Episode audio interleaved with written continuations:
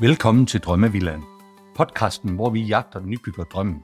Jeg er din vært Morten, og sammen med min hustru Ellen, håber jeg snart at komme i gang med vores drømmevilla. I denne podcast inviterer vi andre nybyggere, rådgivere og leverandører, ja alle, der har noget på hjertet om byggeri, til at dele deres erfaring. I dag har jeg besøg af Janni, der er medforfatter på bogen Drømmen om meget hus. Bogen handler om statslånhusene, som blev bygget fra 1933 til 1959. Og der er faktisk gode erfaringer og læringer, vi kan tage med os til i dag, specielt når det drejer sig om bæredygtighed. Janni, velkommen i Drømmevillaen. Tak. Og øh, fornøjelse at have dig her i, øh, i podcasten, og tak fordi du har lyst til at dele ud af din viden omkring øh, statslånshusene. Men inden vi hopper ind i det, så uh, giv lige en kort introduktion til dig selv. Jamen, øh, jeg hedder øh, Janne Rosenberg Bensen. Jeg er arkitekturhistoriker og Ph.D., og øh, jeg er, arbejder med arkitektur, øh, arkitekturhistorie og kulturarv, med, øh, der er specialiseret i øh, det 20. århundrede, øh, og øh, har forskellige vinkler på det. Øh, jeg arbejder øh, med forskellige former for formidling og forskning, og skriver bøger, holder foredrag, og øh, ja, rigtig mange forskellige ting. Jamen, fantastisk. Hvor, hvor kommer den her passion fra? Hvad, hvad, hvad, er det, hvad er det, der har gjort dig interesseret i det her område? Jamen, øh, det er den helt umiddelbare tilknytning til, til vores allesammens liv. Øh, jeg, jeg begyndte egentlig med at læse litteraturvidenskab, og jeg elsker bøger, øh, men blev fanget ind af arkitekturen, øh, fordi vi, vi kan lade være med at læse bøger, vi kan lade være med at gå i teateret eller se film, høre musik, men, men vi kan ikke undgå arkitekturen, øh, slet ikke når vi bor i den vestlige verden, fordi vi bor i arkitekturen, vi går i skole i den, vi arbejder i den. Den er, øh, den, den byg, det byggede miljø er alle steder øh, i Danmark. Øh, så øh, for mig handler det om at forstå, hvad er det, hvad er det for nogle omgivelser, der, øh, hvor kommer de fra, hvad har formet dem, øh, hvordan kan vi forstå dem, og hvordan påvirker de os i, øh, i vores dag. Øh, Øh, og så, øh, så, så, så det er den der umiddelbare nærhed øh, til vores liv, og nu står I jo også øh, og skal bygge hus, og der kan man jo se, det er jo, det betyder jo også noget for jer, øh, hvordan et hus kommer til at se ud, hvordan vi indretter os, hvordan vi bor, hvordan passer det sammen med de, ind i det kvarter, hvor, hvor jeres hus skal være. Øh, så, så det er jo alle steds nærværende, og det synes jeg er ret interessant. Jeg har faktisk aldrig tænkt på det, før du siger det, det her med, at man kan, man kan lade være med at læse bøger, man kan lade være med at lytte til musik, men, men arkitekturen, den kan, man, den kan man simpelthen ikke, den kan man ikke undgå at være en del af, eller blive påvirket af. Og selve forbindelsen med, mellem, mellem os to, det var jo også uh, bogen, uh, Drømmen på meget hus, som, uh, som du har skrevet sammen med, uh, sammen med Dorte. Ja. Uh, og, det, og hele den her interesse for, uh, eller så min interesse for statslånshusen, eller den arkitektur, der var i den tid, som der var. Det var jo egentlig det, der var temaet for, for den samtale, vi skulle have i dag. Ja. Så øh, et stort spørgsmål til at starte med. Hvad er de her statslånshus for en størrelse? Det er netop et, et meget, meget stort øh, spørgsmål, og, og inden vi skrev bogen, der havde alle sådan en, i hvert fald i fagkredse, et billede af, hvad er et statslånshus? At det er en, et enlænget øh, hus i en etage, det er en mursten, det er ikke særlig stort, øh, det har en lav taghældning, Øh, det var bygget mellem øh, 38 og 58, og så var det ligesom, det var historien om statslånshuse. Øh, men Dorte og jeg kunne godt se dem i vores arbejde, det var sådan, jamen, det er måske ikke hele historien om statslånshusene. Øh, og, øh, og, og som vi gravede os ned i arkivmaterialet og var ude og kigge på hus, så kunne vi jo se, at et statslånshus er jo meget mere øh, sådan arkitektonisk set. Øh, det kan vi komme tilbage til. Men det, der er fælles for dem alle sammen, det er, at et, et hus opført med statsloven er bygget mellem 1933 og 1959. Og øh, man øh, har kunne få støtte øh, fra staten via øh, billige lån øh, til at opføre sit hus. Altså man har stadigvæk skulle lægge sit eget øh, et et øh, indskud eller arbejdstimer øh, i form af en procentdel af lånet. Det er lidt afhængigt af, hvilket, øh, hvilken type lån man har fået. Det behøver vi ikke gå ind i. Så har man haft øh, kreditforening, hypotekforeningslån, og så den sidste del af, af hvad det har kostet at opføre det hus, har man i stedet for at skulle gå i banken og få et dyrt banklån, så har man kunne låne penge af staten til en, en rente, der lå øh, i hvert fald øh, et procentpoint under markedsrenten. Øh, og, øh, og så har man haft en, øh, en længere tilbagebetalingstid, altså så det har været ret fordelagtigt. Og det har gjort, at øh, folk, der ikke havde ret mange penge, også kunne bygge deres eget hus. Øh, så, øh, så man kan sige, det er øh, staten, der er gået ind og sagt, vi vil rigtig gerne have øh, almindelige mennesker, som jeg kalder det her, folk øh, med almindelige indkomster, folk, der måske ikke har så mange indkomster, børnerige familier, øh, som ikke boede særlig godt, øh, inden de byggede eget hus i små mørke lejligheder inde i byerne, især i København. Øh, vi kender alle sammen historien om tredje baggård, øh, uden lys og luft. Øh, og, øh, og, og det vil man, man vil gerne løfte en del af den danske befolkning ud af den her, øh, de her dårlige boligvilkår, plus at man havde boligmangel, så man ville hele taget også gerne sikre, at folk fik et sted at bo. Øh, så det er det, der karakteriserer dem sådan rent biokratisk, øh, at man kunne få et lån fra staten. Der fulgte også nogle forpligtelser med, øh, at, med, at husene skulle godkendes hos kommunen, men de skulle også godkendes hos øh, statens øh, arkitekter, øh, som øh, kiggede på, var det nogle fornuftige planer, var vinduerne placeret rigtigt, var byggeteknikken i orden, var konstruktionen øh, af en så øh, god, tilstrækkelig god kvalitet til, at man, øh, man kunne få et lån. Øh, og så kan man sige rent arkitektonisk, når vi kigger på en periode fra 1933, hvor vi lige Danmark på grænsen til det moderne øh, gennembrud i arkitekturen, hvis man skal sige det på den måde, altså til modernismen, til funktionalismen, og så op til 1959, hvor vi er lige på grænsen til det industrialiserede byggeri, der for alvor slår igennem, og typehusene i forhold til, altså vi kender parcelhusene som statslånshusene er en forløber fra, for, øh, jamen så taler vi lige fra bedre byggeskikvillager, som vi kender øh, øh, fra tidligere i århundreder også, som på det her tidspunkt i, i begyndelsen, midten af 30'erne, har været enormt gammeldags, øh, frem til 50'erne, hvor vi har åben planhuse, øh, hvor øh, rummene flyder ind i hinanden, hvor vi har store vinduespartier ud mod haven, øh, og hvor øh, vi begynder at se de her øh, køkkenalrum på en helt anden måde, end man har gjort tidligere, og som vi jo kender i dag. Øh. Hvor mange blev der bygget af de her huse, ved man det? Jamen, øh, altså, vi har gjort en ihærdig indsats for at prøve at øh, finde ud af, hvor mange der blev bygget. Altså, vi ved, at der i hvert fald blev opført over 70.000 huse. Øh, men, men fordi de bliver opført efter for forskellige kapitler, og, på, og der er forskellige ordninger, så er der også nogen, der bliver sagsbehandlet andre steder, så derfor, og, og det materiale har vi simpelthen ikke kunne finde øh, at se tallene på, så derfor er der nogle usikkerhed, men i hvert fald 70.000 enfamiliehuse. Okay. Og ved man, hvor mange af dem, der stadigvæk eksisterer i dag? Det ved vi, det ved vi ikke. Øh, men vi kan jo se, øh, når vi har siddet, øh, når vi har siddet i Rigsarkivet og set sagerne, eller vi har siddet i byggesagsarkiverne, så har vi jo, inden vi har været ude og se på husene, jamen, så har vi også kigget på, øh, på Google Maps for at se, hvordan ser huset ud. Og der har vi jo desværre kunne se, at der er rigtig mange huse, der er blevet revet ned. Ja. Øh, det er øh, ikke øh, nogle øh, store huse. Øh, mange af dem, altså der var nogle begrænsninger på, hvor mange kvadratmeter de måtte være. Øh, man har også bygget i en tid, hvor der har været mangel på materialer, mangel på gode materialer. Der har været økonomisk krise øh, i 30'erne, og der har været en anden verdenskrig, som jo øh, sætter nogle helt klare begrænsninger øh, på øh, materialesituationen, ikke kun i Danmark, men i hele Europa. Øh, og, og den måde, man har bygget på, har ikke altid været måske den bedste kvalitet. Nogle gange har det været rigtig god kvalitet, men nogle af dem har ikke. Men, men jeg tror, at den stør- det største problem i dag er, at mange af dem er relativt små i forhold til det, det behov, som mange familier føler, de har i dag.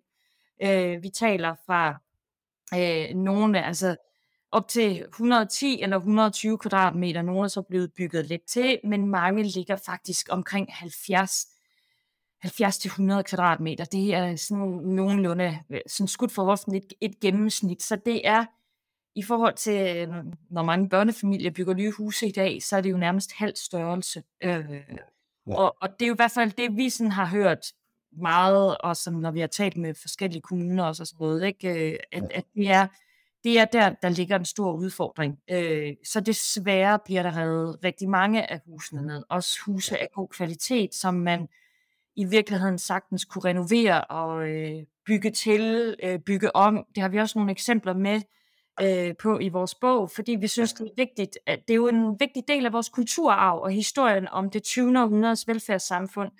Øh, og, og de har nogle kvaliteter i de kvarterer, hvor de ligger, øh, som man desværre ret ofte mister, når man opfører 200 kvadratmeter på en øh, 400-600 kvadratmeter stor grund øh, i, øh, i, omkring de, de større byer, ikke kun København, men også de større provinsbyer.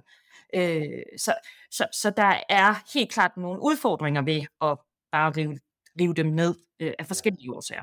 Ja, det er præcis. Nu, nu sagde du det her med størrelsen, at det var noget af det, der sådan var kendetegnet på det, at det, at det er forholdsvis øh, en mindre og små hus, som, som der taler om. Hvad mere, hvad, hvad andre ting kendetegnede de her, øh, de her hvad hedder det, statslånshusene? Jamen, øh, jamen ud over størrelsen, som jo var et lovkrav, kan man, altså det var loven, der ligesom sagde, for at spare på materialerne, så må man ikke bygge for stort. Øh, og de måtte ikke være luksusprægede husene heller ikke. Øh, dels fordi man fra statens side ikke synes, at det var rimeligt, at man skulle finansiere øh, private menneskers øh, drømme øh, ud i mærkelige, hvad man synes, der var mærkelige ting. Øh, det her, det handlede om, at folk skulle have et sted at bo. Øh, så det der, øh, ja, hvad der karakterer største delen er bygget af mursten. Øh, altså det, vi kalder øh, med traditionelle metoder, altså træ, mursten, mørbel. Øh, så for mange huses vedkommende er det et godt gedint håndværk, der ligger til grund øh, for, øh, for, for det færdige hus. Øh, mange af dem, altså ejerne, har, har jo selv været håndværkere øh, og har selv kunne udføre en del af arbejdet, og det er fordi, de, de har ikke haft penge til, og altså, de har ikke haft så stor en opsparing, så hvis man er tømmer eller murer, jamen så er en del af ens øh, eget indskud er, er så blevet lagt i form af, af, af egne timer og håndværk. Mm. Øhm, så på, så, så øh, de fleste af mursten, vi begynder at se materialemæssigt øh, gasbeton øh, op i 50'erne, hvor man begynder at eksperimentere med nye materialer og nye konstruktionsmetoder.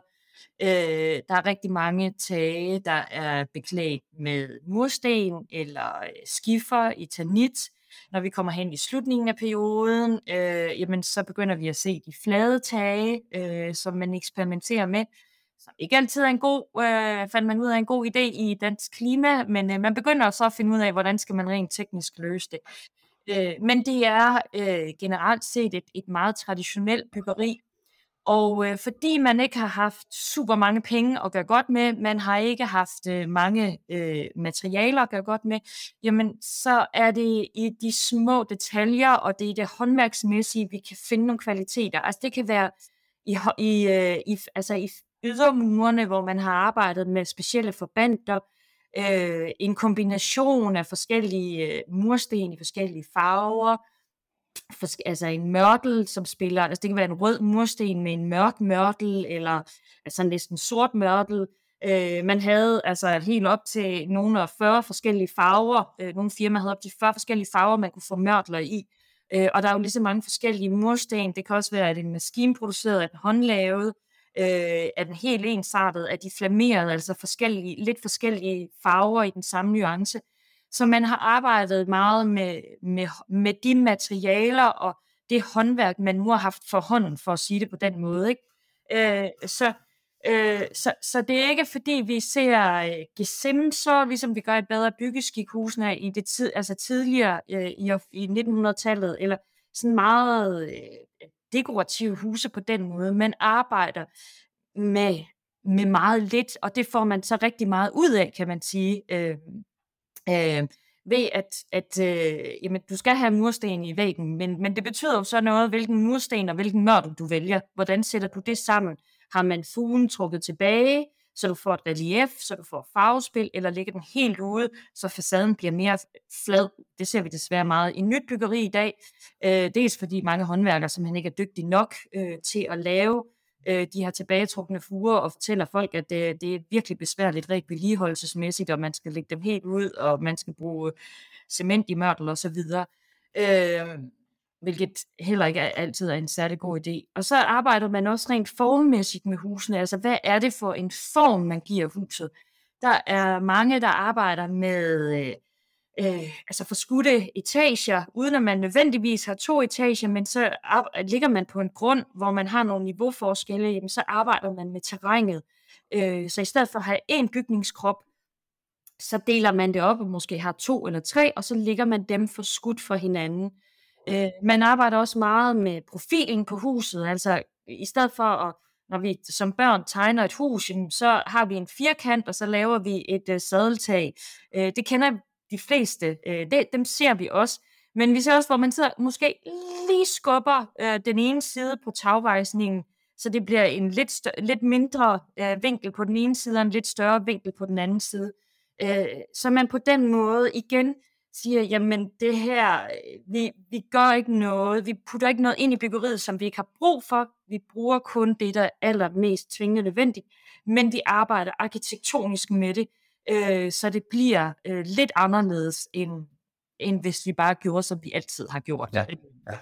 Så, så den gode kvalitet, hører jeg dig sige, at, at, at det er jo egentlig den, øh, hvad kan man sige, en velovervejende øh, forbrug af materialer. Øh, bæredygtigt kan man vel egentlig sammenligne det med, hvad vi taler om i dag. Ja. Øh, og på en eller anden måde, så er der jo også et, øh, et, et øh, begrænset udbud af materialer i dag. Øh, Just, og det er vi er i. Altså, ja. der er måske nogle ting, vi egentlig kan tage med os derfra, kan man sige. Jamen det er der helt klart, og uden at man kan sammenligne tiden efter øh, både i 30'erne, øh, der, der, ikke, der bliver ikke bygget sindssygt mange huse i 30'erne, der er også en økonomisk krise, og da man så laver en ny lovgivning i 38, så går der ikke ret lang tid, så kommer der en krig, som sætter byggeriet på hold. Så den største del af husene bliver bygget fra 46 og op til 59. Øh, og, og der kan man sige, jamen, der, der er ikke materialer, fordi øh, man kan sige, at Danmark er ikke, øh, har jo ikke været hårdt ramt af 2. verdenskrig i form af mange øh, bombede byer eller huse, der er blevet sprængt i stykker, som vi ser syd for grænsen øh, i andre europæiske lande. Øh, men det er jo et fælles marked, øh, forstået på den måde, at der er kun de materialer, der nu er. Øh, og eftersom det har været primært mursten og træ, som jo er nat- øh, naturligt forekommende materialer, jamen så har det sat sine begrænsninger. Så, så derfor har man, man, man, har, man har været nødt til at tænke sig virkelig godt om. Øh, indtil 1950 søgte man, om, søgte man om at sige, jeg skal bruge så så meget jern, jeg skal bruge så så meget mursten, jeg skal bruge så så meget træ. Øh, og så kunne man få tilladelse eller afslag på det, og nogle gange så blev der skåret ned og sagde, jamen du har ikke brug for øh, jernet, du må bare bygge uden jern. Mm. Øh, eller du kan ikke få, øh, du kan ikke få øh, den her type gulvbrædder, jamen, så får du en anden type gulvbrædder. Øh, så, så der var ikke frit valg på alle hylder, som vi, hvis vi går ned i et byggemarked i dag, som vi jo næsten synes, der er. Nu kan man sige, nu begynder der jo så kvæg forskellige årsager også at være mangel på byggematerialer. Øh, så, så man har måttet nøjes med det, der var, og så har man, man tænkt kreativt ud fra, fra det, man havde til rådighed. Øh, og så genbrugte man jo også, øh, altså hvis der var øh, huse, man øh, rev ned, gamle huse, jamen så brugte man murstenene, fordi man havde brugt kalkmørtel, så kan du skælde murstenene af, og så kan du genbruge dem, bygge med dem igen, øh, trapjælker, og det er jo sund fornuft, at det er jo den måde, vi har bygget på ind til industrialiseringen. Øh, det er genbrug af materialer, øh, og det går helt tilbage altså til antikken, altså der har Rom ser ud, som Rom gør i dag, fordi man har, øh, man har gået i, på rov i antikens øh, byggeri, genbrugt uh, mursten og, uh, og marmor uh, og brugt det i andre byggerier.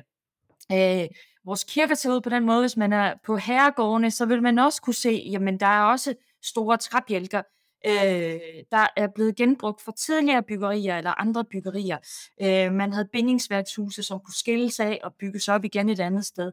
Så man har jo haft en helt anden, hvad jeg vil kalde fornuftig og miljøvenlig øh, omgang med materialer, og det, det, det har man også øh, efter øh, 2. verdenskrig, fordi man ikke bare kan gå ud og finde alle materialer. Så man, det kan vi også se i, øh, i Rigsarkivet, hvor alle de her ansøgninger ligger, jamen så så siger de, jamen øh, vi har det her antal mursten, eller træbjælker, eller jern fra et andet byggeri, og så søger de om tilladelse til at genbruge det. Øh, så, så det er i virkeligheden, og det er jo der, hvor jeg også tænker, hvad er det, vi kan, hvad er det, vi kan lære af det her byggeri? Øh, det er jo ikke, fordi vi direkte skal, skal kopiere det, men vi kan lære, at de, at de arbejdede med meget færre materialer til rådighed. Øh, ja. og, og tænke kreativt ud fra det. Øh, Ja, lige præcis. Jeg synes også, når vi har, når NR, vi har læst om det og stødt på det, så er der jo faktisk mange ikoniske hus, som er blevet bygget på, på, på statslånshusen. Øh, hvordan, hvorfor egentlig? Hvad, hvad var det, der var årsagen til det?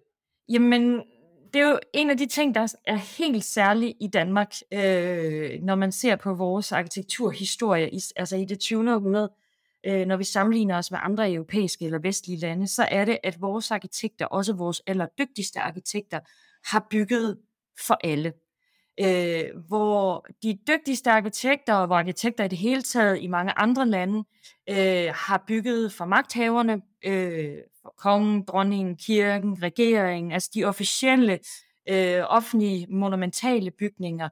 Øh, rige bygherrer, øh, som har haft råd til at bygge en stor villa, øh, og, øh, eller på herregårdene. Men, men når vi kommer et lille stykke op i det 20. århundrede, jamen så bygger arkitekterne stort set for alle. Øh, og hvis vi ikke kun, altså statslånshuse bliver, eller statslån bliver ikke kun brugt til at opføre en, enfamiliehus, det bliver også brugt til at opføre almene boliger. Så for mange arkitekter er det også en måde at komme i gang med deres karriere på. Øh, det er, at de starter med at, øh, at bygge enfamiliehuse på, hvor, hvor statslån øh, er en del af det. Og, øh, og så udvider de så deres repertoire derfra. Nogle fortsætter med at bygge enfamiliehuse og kommer op i 60'erne og bygger typehuse, altså parcelhusene, som vi kender, der ligger spredt ud over det ganske land. Og der er andre, der går videre til at bygge altså skoler, svømmehaller, øh, offentlig administration, altså alt, hvad der så sker øh, i udbygningen af den offentlige sektor i løbet af 60'erne og 70'erne. Øh, så, øh, så, så man har det har været for arkitekterne, det vi tænker som store kendte arkitekter i dag, har det for nogens vedkommende været en måde at komme i gang med karrieren på, øh, og for andre har det bare været helt naturligt, at det har man også gjort, øh, fordi man har, har synes det har været en vigtig opgave også at bygge. Øh, man har været meget optaget af, af boligforhold, altså at bygge godt for den almindelige dansker, øh, og det har været politisk satsningsområde i Danmark også. Øh, så så det er øh, helt, helt særligt, øh, at vi ser Arne Jacobsen, Svend Eske Christensen, Kai Fisker, Eva Nils Koppel, Karner Ebbe Klemmesen. Øh, nogle af de her, øh, hvad vi sådan tænker som nogle af de mest markante fremtrædende arkitekter i, i dansk arkitekturhistorie, øh, især i det 20. århundrede, jamen de har alle sammen bygget statslånshuse, altså øh, som Eva Niels Koppel, det var den måde, de kom i gang med deres karriere på, øh, og de byggede øh, utrolig mange. Karen og Ebbe Klemmensen, de byggede hus til sig selv, og så var det ellers ud over stepperne, og så lavede de rigtig mange offentlige byggerier derefter, ikke? Så det har, øh, det har været det har været visitkort, øh, de har bygget sådan, at de har bygget de her huse. Øh, og, og, det har, og statslån i starten var det ting til folk, der ikke havde så mange penge, altså såkaldte mindre bemidlede eller børnerige familier.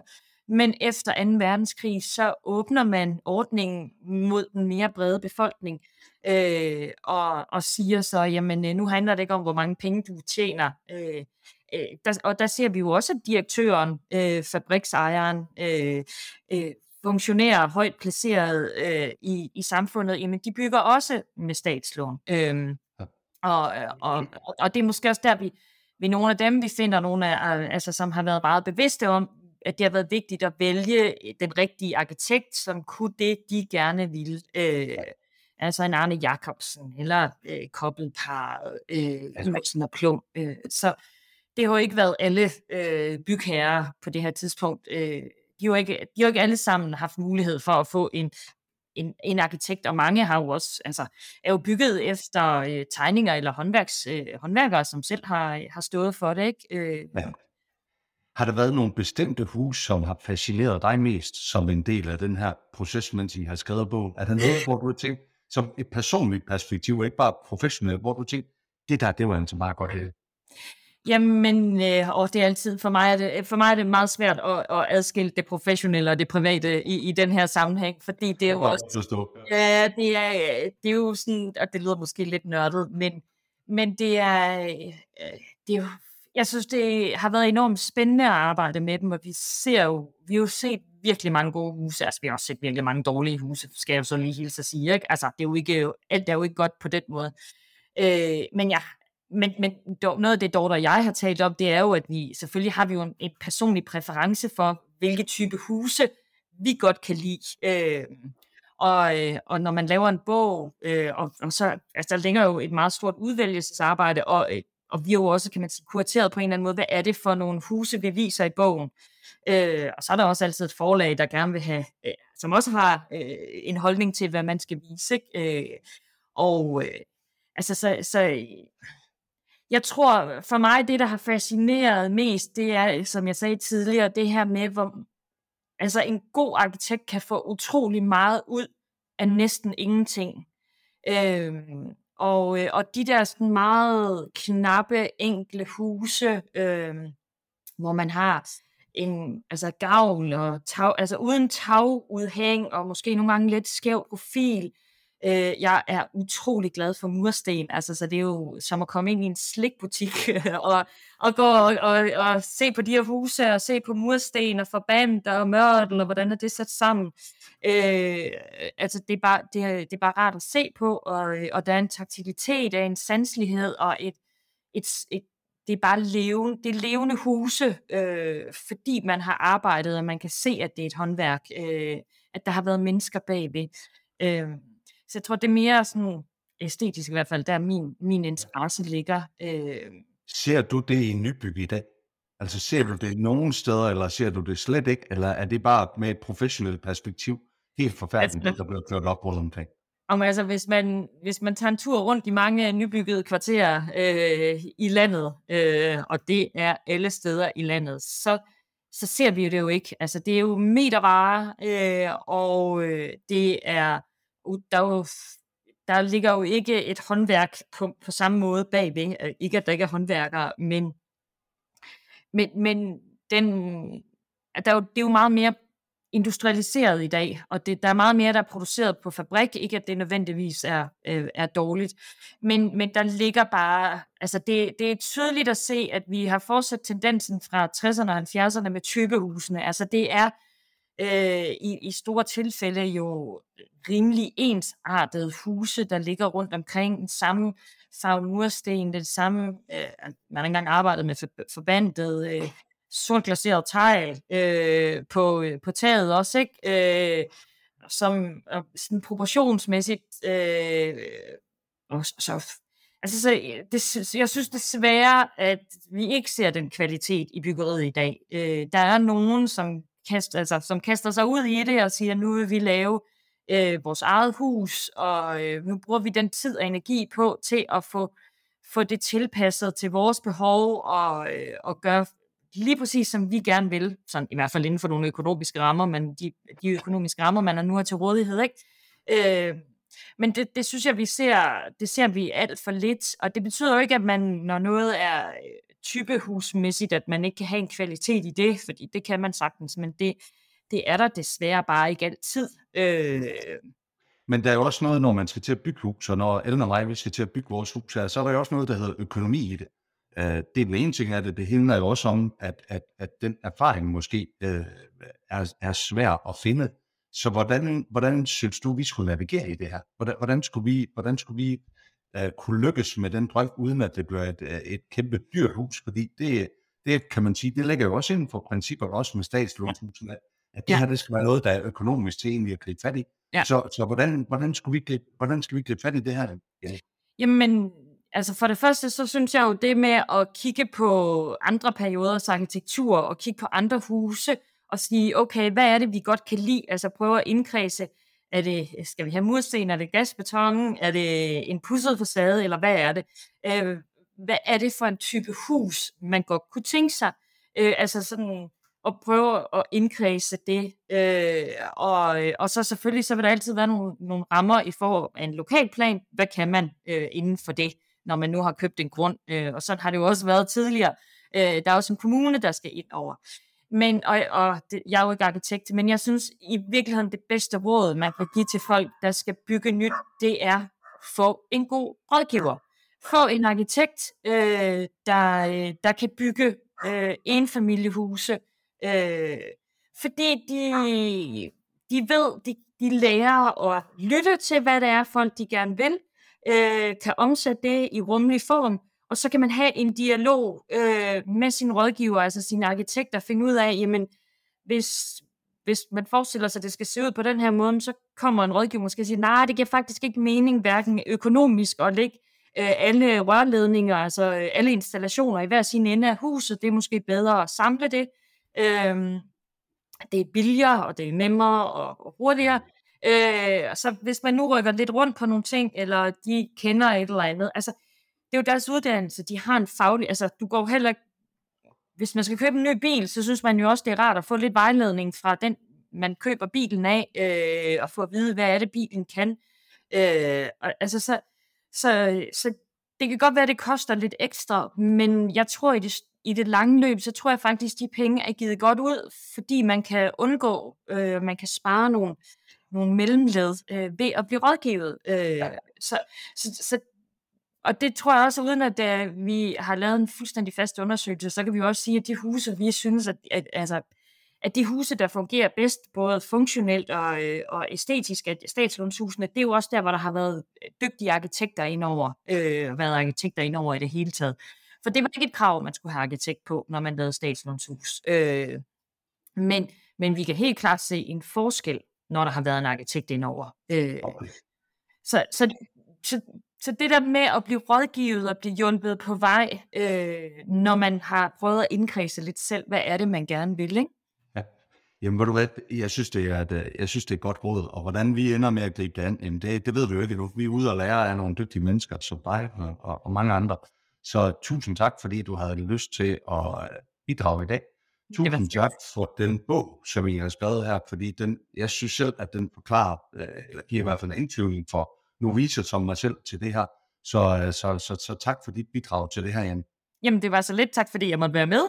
Jamen, det må du i hvert fald. Og sidst, inden du lige løber, løber væk her, så skal jeg lige høre dig, øh, hvis man skal følge dig, eller hvis man skal følge noget af det arbejde, som du gør, hvor, hvor, hvor skal man gøre det hen? Har du noget? Er du på sociale medier, er du på øh, hjemmeside, eller hvor, er det hen og bedst at følge dig? Jamen, øh, jeg, jeg er på Instagram, øh, der hedder Janni Bensen, øh, ude i et. Øh, og øh, har en intention om at skal have lavet en hjemmeside en dag, men det er jo altid sådan, når man har travlt med sit arbejde, så og, øh, eller man kaster sig, man synes det er sjovere at kaste sig i arkiverne, end at skal have lavet noget, øh, noget digitalt, så, så man kan følge mig der. Ved du hvad, jeg, jeg får lige linksene fra dig og så lægger vi dem op på den her på show notes, sammen med et par billeder også fra bogen af, og link op til, op til forlaget med, med bogen her. Så uh, tak, for, tak for bidrag, og kan du have en fantastisk dag. Tak i lige måde. Tak fordi du lyttede med på denne episode af Drømmevillaen. Følg os på Instagram, hvor vi poster billeder og videoer fra vores gæster og fra vores samtaler. Og har du noget, som du vil dele, så ræk endelig ud til os. Det gælder både, hvis du er nybygger, rådgiver eller leverandør. Så kan vi alle blive klogere og forhåbentlig få vores drømme til at blive til virkelighed.